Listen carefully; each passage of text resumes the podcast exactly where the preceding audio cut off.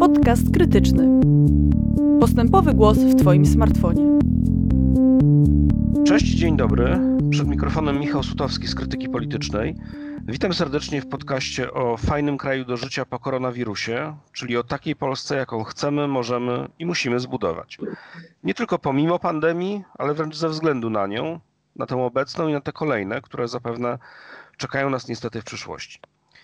Dziś moim gościem będzie dr Michał Wolański, ekonomista, adiunkt w Katedrze Transportu SGH, ekspert w dziedzinie transportu pasażerskiego, doradca wielu samorządów oraz instytucji ministerialnych w obszarze infrastruktury i organizacji komunikacji pasażerskiej. Dzień dobry.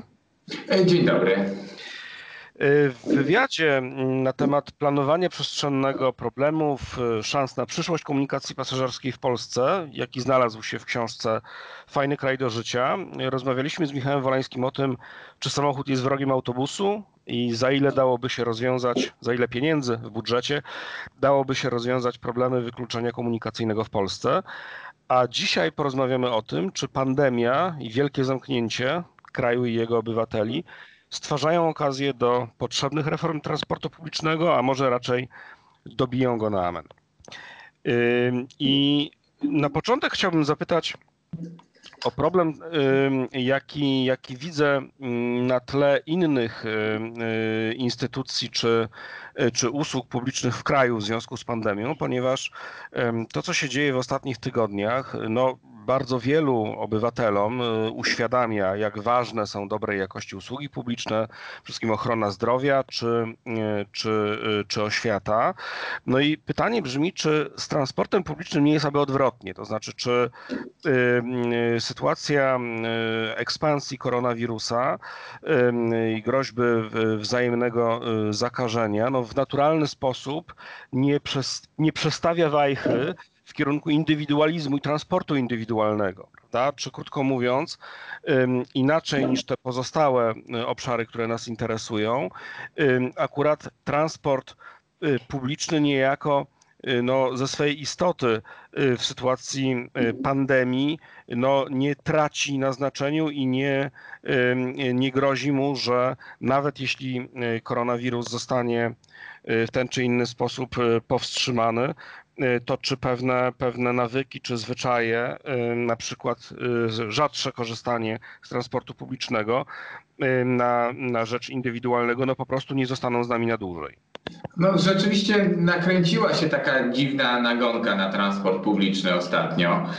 Ja oczywiście rozumiem, dlaczego teraz korzystanie z tego transportu publicznego jest, czy musi być mniejsze. Natomiast e, nie rozumiem, dlaczego nikt nie zadaje na przykład podobnych pytań co do, nie wiem, teatrów, tak? Do teatrów też teraz nie możemy chodzić, w miarę rozumiemy dlaczego, ale nie zadajemy pytania, czy oglądanie telewizji nie zastąpi na dłuższą metę e, teatrów, czy gotowanie w domu nie zastąpi na dłuższą metę jedzenia na mieście czy uczenie dzieci w szkołach nie zastąpi na dłuż... Y, uczenie dzieci w domu nie zastąpi na dłuższą metę chodzenia do szkoły.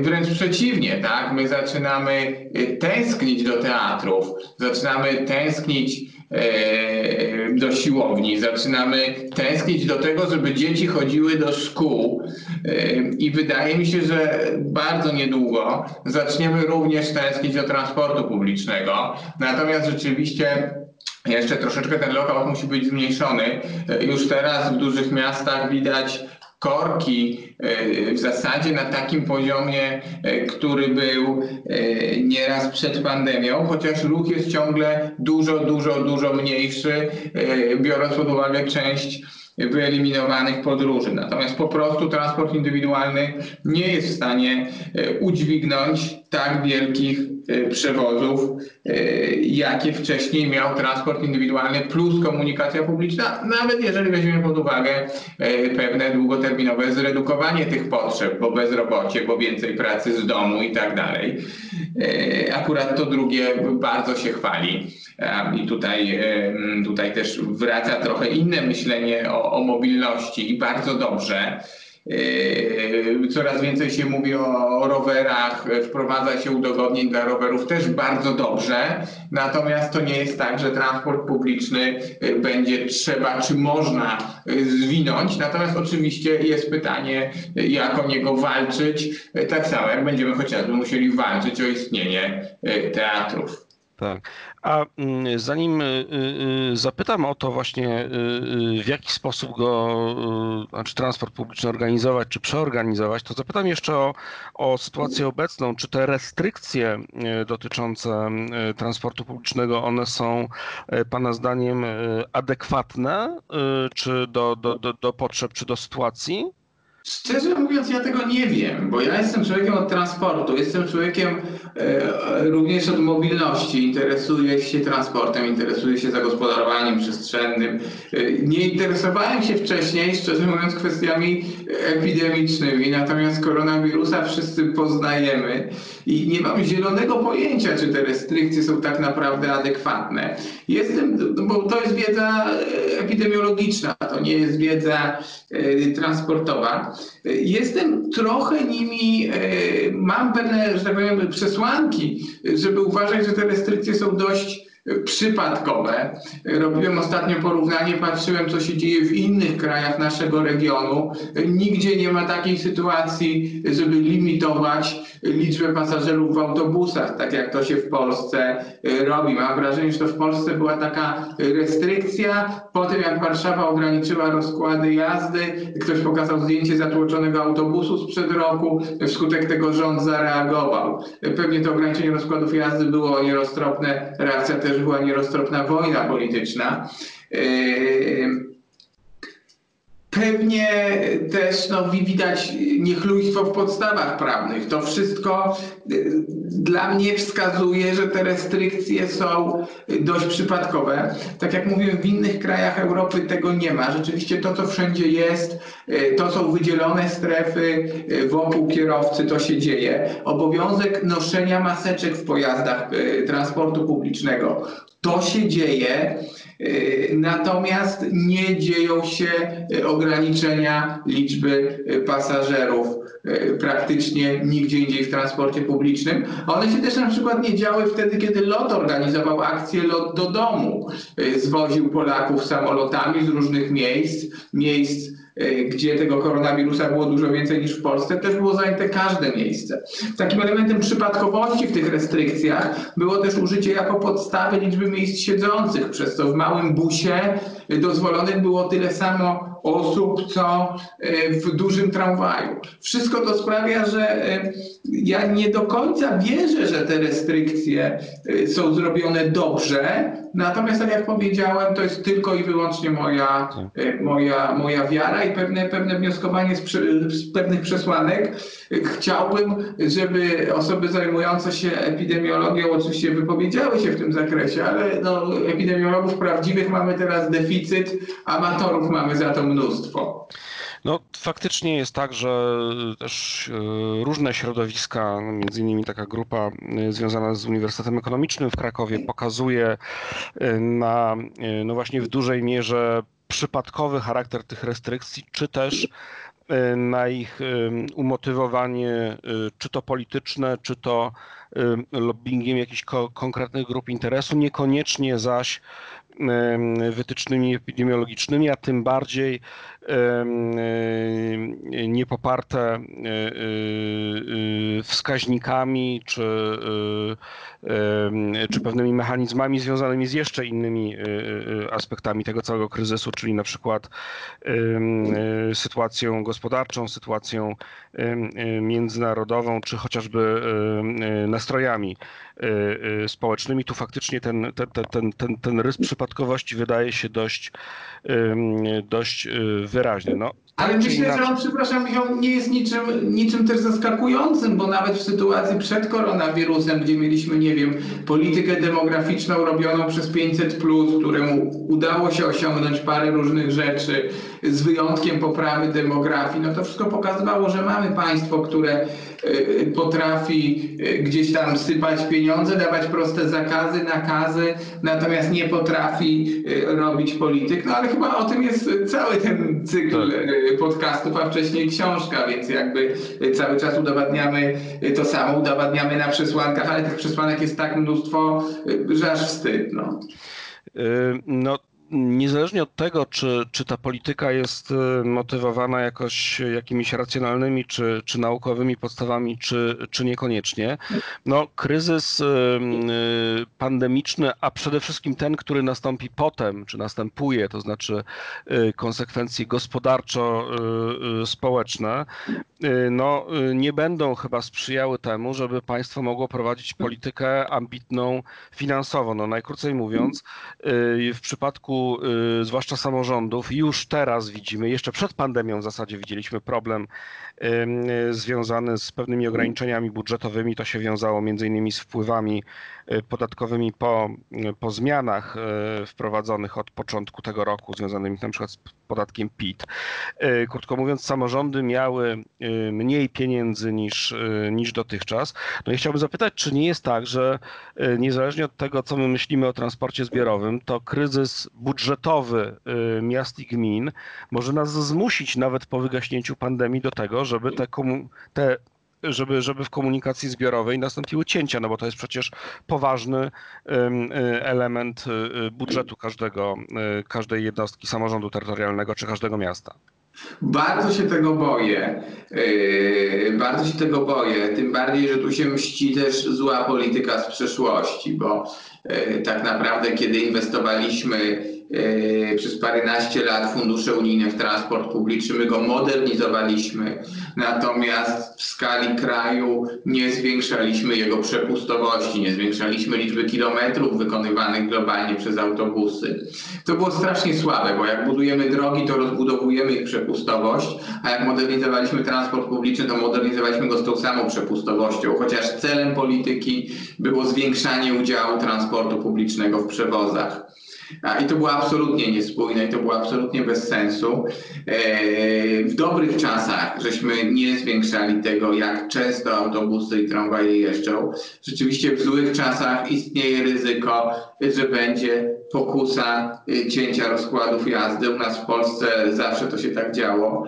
E, No, y, obawiam się tego. Uważam, że jest to bardzo słaba droga y, z różnych względów. Po pierwsze, dlatego, że często kursujące autobusy y, to są miejsca pracy. Tak naprawdę transport publiczny jest bardzo pracochłonną usługą, kreuje sporo miejsc pracy lokalnie. To są wpływy fiskalne, bo autobus jak kursuje, kierowca płaci e, podatki, płaci ZUS, e, za paliwo płaci się akcyzę, płaci się opłatę paliwową i jak to się wszystko zamknie, to oszczędności są dość pozorne.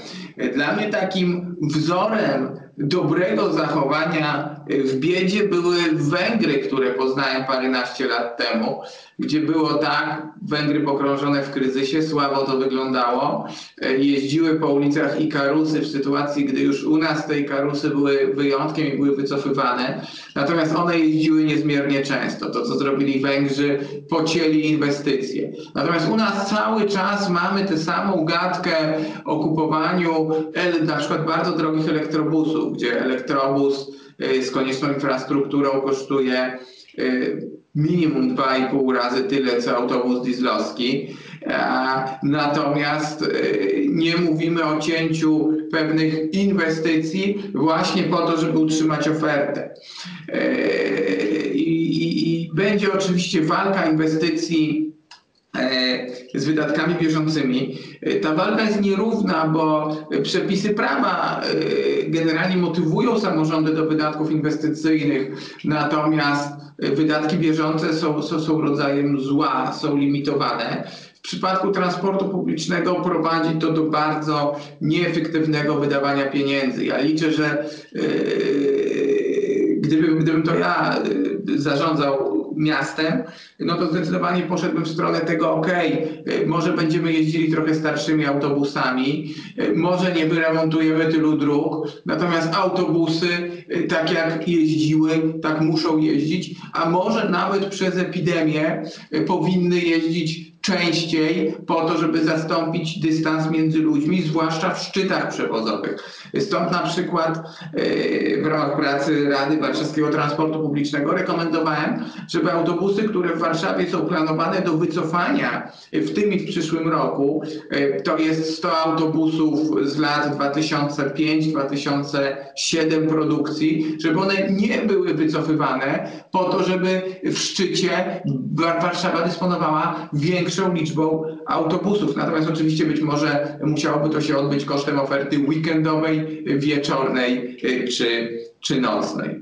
Natomiast my tę przepustowość w szczycie musimy mieć tak naprawdę z dwóch względów teraz. Po pierwsze po to, żeby zachować konkurencyjność transportu publicznego, a po drugie, żeby zachować podstawowe bezpieczeństwo jednak epidemiczne. Tu mówiliśmy o tych y, ograniczeniach, które są w transporcie publicznym. One w innych krajach nie są tak restrykcyjne, ale obowiązek zachowania odległości minimum metra między sobą w autobusach, on jest dość powszechny. I musimy się zastanowić, y, jak y, zaoferować taką komunikację publiczną, która to zapewni.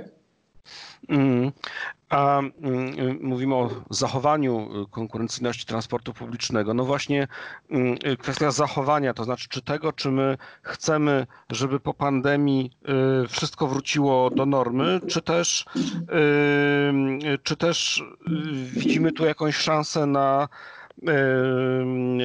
na rzeczywiście zmianę sytuacji. To znaczy na przykład, czy, czy to byłby moment na wdrożenie jakichś nowych y, y, rozwiązań, czy przeorganizowania tego, co było dotychczas, a, a nie tylko no, dążenie do powrotu do, do, do, do, do stanu sprzed powiedzmy początku czy połowy marca tego roku. Znaczy, gdzie, gdzie w transporcie miejskim i w transporcie pozamiejskim są takie obszary, w których nie tyle powinniśmy walczyć o powrót do status quo, ile no, y, y, y, wprowadzenie nowych rozwiązań, no abstrahując chociażby od tego, czy pomijając już to, co, o czym powiedzieliśmy, czyli aby te kursy były, by, były y, częstsze, no i po prostu, żeby, y, żeby mniej ludzi musiało mieścić się w takim jednym y, y, autobusie.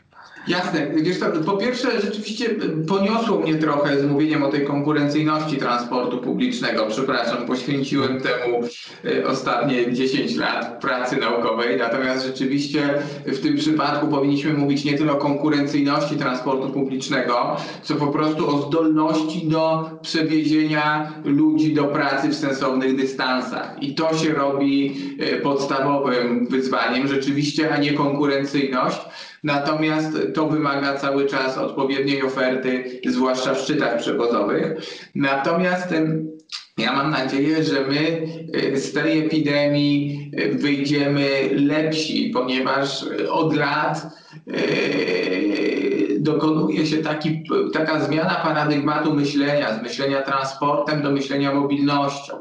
Czyli e, zdajemy sobie gdzieś sprawę, że rozbudowa systemów transportowych nie powoduje tego efektu, który powinien powodować, czyli e, przysłowiowych mniejszych korków, tego, że podróżujemy szybciej, ponieważ jak dajemy lepszą infrastrukturę, to ludzie podróżują coraz dalej, gospodarka się robi coraz bardziej transportochłonna, przez to również energochłonna.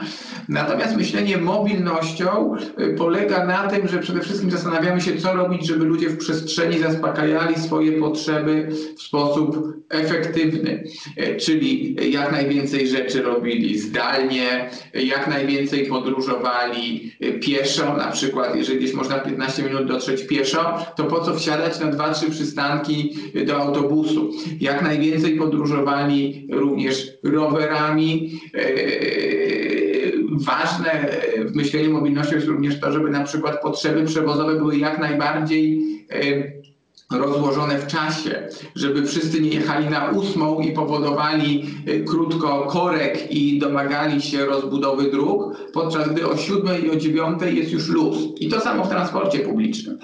Y, Ja liczę, że y, tak jak w wielu innych branżach, tak, tak tutaj też ten, ta zmiana paradygmatu myślenia z transportu na mobilność dokona się nieco szybciej. Ona już się trochę dokonuje, na przykład staramy się dokonywać, staramy się kupować w lokalnych sklepach, a nie jeździć e, koniecznie na zakupy do wielkich galerii handlowych wszyscy naraz.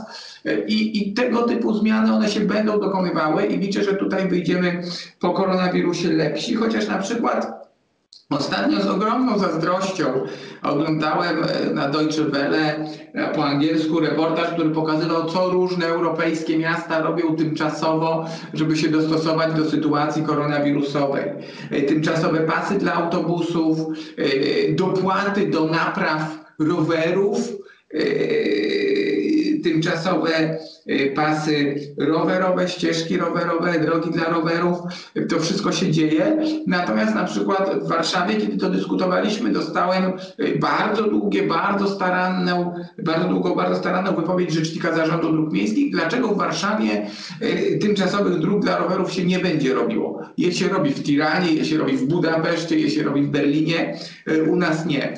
To A czy na to, przykład- przepraszam, a czy to uzasadnienie było jakkolwiek racjonalne czy przekonujące, czy raczej traktujesz to jako no, propagandową jakąś wymówkę, Nie, czy też wyraz nieelastyczności?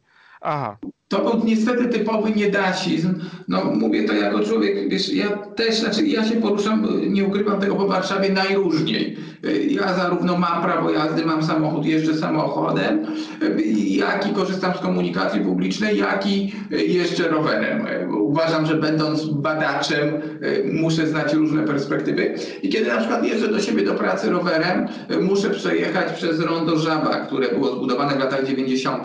i przejechanie przez nie rowerem e, jest dla mnie trudne. I tego typu wąskich gardeł e, e, w Warszawie mamy mnóstwo na sieci dróg rowerowych. Ja się trochę boję tam jadąc, natomiast ludzie, którzy od liceum, od dwudziestu paru lat nie jeżdżą na rowerach, boją się e, bardzo, bardzo, bardzo i po prostu tych rowerów nie, nie wybiorą. I mamy mnóstwo takich miejsc e, i powinniśmy przynajmniej tymczasowo w warunkach tego jeszcze ciągle zmniejszonego ruchu samochodowego dostosowywać je do tych niedzielnych rowerzystów, żeby ich jak najbardziej wyciągać do jeżdżenia rowerami do pracy, żeby później jak najwięcej z tego zostało. Zresztą walka o przestrzeń na ulicach, która się teraz będzie odbywała, jest też bardzo ciekawa i to nie jest tylko walka między pieszymi i rowerzystami e, i e, użytkownikami samochodów. Natomiast do tej walki włączają się też restauratorzy, którzy mówią, że żeby mieć, utrzymać obroty, utrzymać zatrudnienie, muszą mieć ogródki. Żeby mieć ogródki, e, muszą je wystawić tam, gdzie były miejsca parkingowe, bo często są w ciasnych śródmieściach. Jak nie, to zbankrutują, bo są już nieźle wykrwawieni. I tu bardzo będzie ciekawa walka o przestrzeń uliczną i w tej walce e, samochód też nie jest super e, uprzywilejowany, bo tak jak powiedziałem, po drugiej stronie już są nie tylko piesi i rowerzyści, ale też pojawiają się, e, pojawiają się restauracje. ale to czy to znaczy, że w tej takiej, mm, no właśnie, y, niektórzy mówią że o wojnie kie- kie- kierowców zresztą świata, zresztą kierowcy też to czasem tak widzą, to znaczy, że są atakowani czy dyskryminowani przez, y, przez inne grupy, względnie przez sprzyjających im y, polityków. Rozumiem, że tutaj dochodzi do jakiejś zmiany y, układu sił, no ale z drugiej strony można powiedzieć, że teraz po stronie kierowców jest ten podstawowy argument y, epidemiologiczny, prawda, który mówi, że no, siłą rzeczy, jak jedziemy, jeszcze samemu jak jedziemy w samochodzie, no to zmniejsza się y, ryzyko y, zarażenia y, osoby drugiej. No, bardzo istotnie, jeśli, jeśli zestawimy to z chociażby pasażerami autobusu, że te słynne grafiki, na których pokazujemy, ile to miejsca zajmuje taka sama liczba ludzi w autobusie, y, w samochodach, na rowerze czy, czy pieszo, no ona troszeczkę y, zmienia swoją, wy, wy, wy, one zmieniają swoją wymowę, no w sytuacji, kiedy pewne, pewne mm, ściaśnienie, czy bliskość, czy brak dystansu społecznego, no są, y, są traktowane jako, jako problem, czy jako, jako zagrożenie. Tak, to jest prawda, ale ciągle my mamy y, ograniczoną ilość miejsca w miastach i musimy sobie z tym radzić. Jeżeli yy, Warszawa jest najbardziej skrajnym przykładem, gdzie w Warszawie yy, więcej podróży jest wykonywanych yy, transportem yy, publicznym niż samochodami, czyli gdyby wszyscy nagle przeszli na samochody, mieliśmy dwa razy więcej ruchu samochodowego. Nawet jeżeli zredukujemy e, 20-30% podróży, to cały czas e, Dotychczas trudno było w Warszawie zaparkować, dotychczas były e, problemy na wlotówkach, natomiast te problemy po prostu dojdą do poziomu, gdzie nie będziemy w stanie e, wszystkich chętnych e, nijak tymi samochodami obsłużyć. I to jest jakby jed- jeden fakt. Drugi fakt jest taki, że restauratorzy bardzo potrzebują tych ogródków, żeby przeżyć. Miasta też potrzebują, żeby zapewnić, żeby zapewnić swoim mieszkańcom jakość życia i jakąś konkurencję na, na rynku turystycznym, który też szalenie podupadł.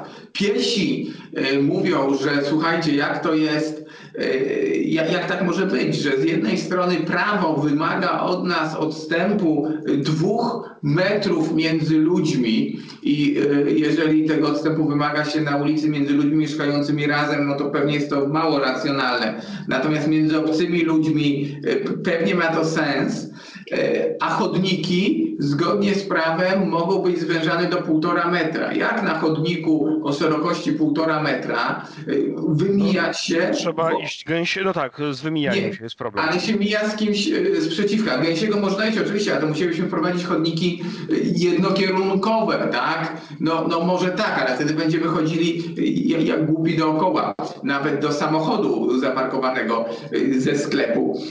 Natomiast tu jest, jest mnóstwo wąskich gardeł, które sprawiają, że y, jeżdżenie samochodem więcej nie jest prostym nie jest prostym rozwiązaniem w średnim terminie. Oczywiście wszystko zależy od tego, jak długo ta epidemia będzie trwała, ale będziemy musieli uczyć się.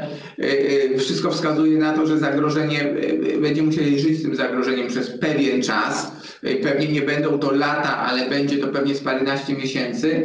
I w tym czasie będziemy musieli zapewnić sensowną alokację przestrzeni, więcej pracować zdalnie, to po pierwsze, ale po drugie również zapewnić bezpieczny transport publiczny, zwłaszcza w większych miastach. Yy, Mamy ograniczenia taborowe, mamy ogromne wyzwania. Natomiast ja się strasznie boję, bo yy, jesteśmy trochę wobec tego yy, bezradni, a jeszcze Warszawa, która jest trendsetterem yy, i na którą jednak wszyscy patrzą, w momencie włączenia się prezydenta Trzaskowskiego w wyścig prezydencki będzie unikała jakichkolwiek zdecydowanych ruchów, bo wszystko będzie, może, będzie mogło być wykorzystywane przeciwko y, Warszawie. Czy będzie mogło to spowodować też y, zniechęcenie jakiejś grupy elektoratu, prawda? Tak, tak, Y, tak. I po prostu będzie się robiło jak najmniej, co jest smutne. Kraków z kolei jest w fatalnej sytuacji finansowej, bo Kraków, który był też bardzo dobrym trendsetterem mobilnościowym zawsze, nieraz lepszym niż Warszawa, natomiast Kraków jest fatalnie zadłużony i Kraków już musi oszczędzać na wszystkim i, fa, i fatalnie zależny od turystyki. Więc tu w Krakowie sytuacja jest, jest straszliwie podbramkowa e, i oni się przez to e, gubią. E, Także e, no, no ja się boję, co się dzieje e, i prawdopodobnie rzeczywiście z tej retoryki samochodowej wylądujemy w szalonym korku e, i efekt będzie taki, no to też jest kwestia tego, że my się boimy koronawirusa, jest konkretna śmiertelność z powodu koronawirusa, e, ale z powodu zanieczyszczeń dróg i z powodu wypadków komunikacyjnych też jest bardzo konkretna śmiertelność. Wypadki komunikacyjne to w Polsce zawsze jest co roku około 350, y, przepraszam, 3,5 tysiąca osób i jesteśmy pod tym względem liderem. Natomiast jeżeli więcej ludzi będzie jeździło samochodami, to zaczną jeździć y, też w dużej mierze ci, którzy się z różnych względów bali jeździć. Transport publiczny miał sporo y, pasażerów. Niedzielnych kierowców. Tak, z prawami jazdy, ale po prostu znających swoje umiejętności, czasami słabo widzących, y, czasami motorycznie słabszych. I jeżeli zmusimy tych ludzi do jeżdżenia samochodami, to wypadkowość raczej nam nie spadnie. Do tego, y, i to jest 3,5 tysiąca osób, często bardzo młodych, umierających w wypadkach, więc koszty tych wypadków też są wyższe. Przy liczeniu kosztów y, wypadków uwzględnia się wiek danej osoby. Y, Do tego dochodzą y, zgony y, ze względu na zanieczyszczenie powietrza, które też są bardzo pokaźne. One są mniej widoczne, bo nie są wpisywane jednoznacznie w statystykę, natomiast to jest skala jeszcze większa, chociaż osób starszych co też wpływa na koszty, koszty tych wypadków, ale tak naprawdę my się możemy wpuścić w ogromny koszt. Yy, Ja, my nie mamy jeszcze danych o koronawirusie, żeby jedno z drugim oczywiście porównywać, co jest lepsze, co jest gorsze. Natomiast yy, wybory są dramatyczne, yy, jakich musimy teraz yy, dokonywać. Yy, Stąd wydaje się właśnie, że yy, chodzenie pieszo yy, czy rower są dobrym kompromisem na lato, natomiast do jesieni może będziemy wiedzieli więcej, ale też powinniśmy być bardzo elastyczni w planowaniu na jesień i pewnie w budowaniu potencjalnie bardzo dużej przepustowości transportu publicznego w szczycie na jesień z wykorzystaniem nie kasowania autobusów, może wręcz dołączenia do miasta autobusów z rezerw wojskowych. Przecież my mamy takie możliwości obrony cywilnej, natomiast o tym się o tym się zupełnie na razie nie mówi.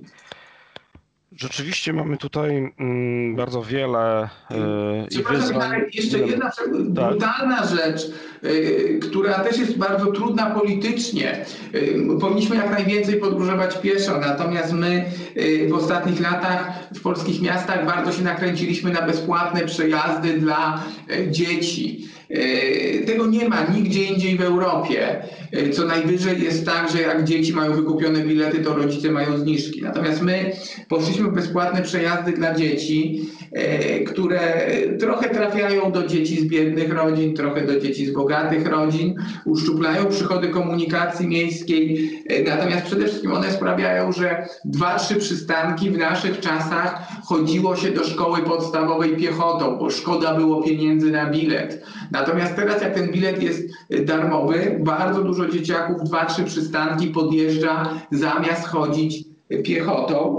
I to może w dobie budowania konkurencyjności komunikacji miejskiej było na jakiś sposób słuszne. Natomiast w dobie, kiedy komunikacja miejska będzie musiała zapewnić dowóz ludzi do pracy, y, to zaczyna się to robić problemem, bo zajmuje się przepustowość krótkimi podróżami, które powinny być realizowane pieszo. Natomiast oczywiście politycznie, jak się rzuci hasło zabrania bezpłatnych przejazdów dla dzieci, to pojawia się ogromne, y, ogromne hurdur, y, ogromne, y, o, o, ogromna ilość argumentów, że jak to tak można i tak dalej, to rodzice zaczną te dzieci wozić do szkoły samochodami. Y, I, I tu mamy mnóstwo decyzji szalenie y, trudnych politycznie, a, a przecież mamy czasy ogromnej walki politycznej, y, która mm, no, no, no nie sprzyja, no ale to całe nakręcanie się wzięło, wzięło z walki politycznej. Y, No na pewno y, i pandemia y, zaostrza pewne, pewne, pewne zjawiska i, i, i, i- i problemy, z którymi mieliśmy wcześniej dotychczas y, do czynienia, wcześniej do czynienia, ale nie były tak bardzo tak bardzo y, jasno widoczne. No, na to jeszcze nakłada się oczywiście polityczny konflikt, no, który bardzo, trudna, bardzo utrudnia taką dyskusję opartą czy to na faktach, czy na, y, na dowodach naukowych. No i y, wielu, wielu ekspertów wskazuje, ostatnio profesor Dani Rodrik, że pandemia to jest taki, takie zjawisko, które zaostrza, czy wzmacnia, czy przyspiesza dotychczasowe trendy, a nie koniecznie je y, odwraca czy zmienia. No na pewno będziemy musieli obserwować, przyglądać się bardzo uważnie temu, co, y, co dzieje się y, w różnych sferach funkcjonowania naszego naszego państwa i, i, i życia, e, e, życia zbiorowego. Transport niewątpliwie, e, jak wskazuje dr Wolański, jest em, jednym z takich najbardziej złożonych e, podsystemów, em, gdzie te, gdzie te procesy są najbardziej, e, najbardziej skomplikowane. Bardzo Nie ma dziękuję. prostych rozwiązań, prawda? Nie ma prostych rozwiązań, natomiast z drugiej strony y, jest problem z systematycznym poszukiwaniem y, rozwiązań y, bardziej złożonych, bardziej kompromisowych i to jest smutne i to jest ogromna słabość. Bardzo dziękuję. Bardzo dziękuję za tę rozmowę. Dziękuję bardzo. I y, dziękuję słuchaczom za uwagę. Zapraszam na kolejne podcasty z cyklu Fajny kraj y, do życia y, po koronawirusie. Y, Do usłyszenia.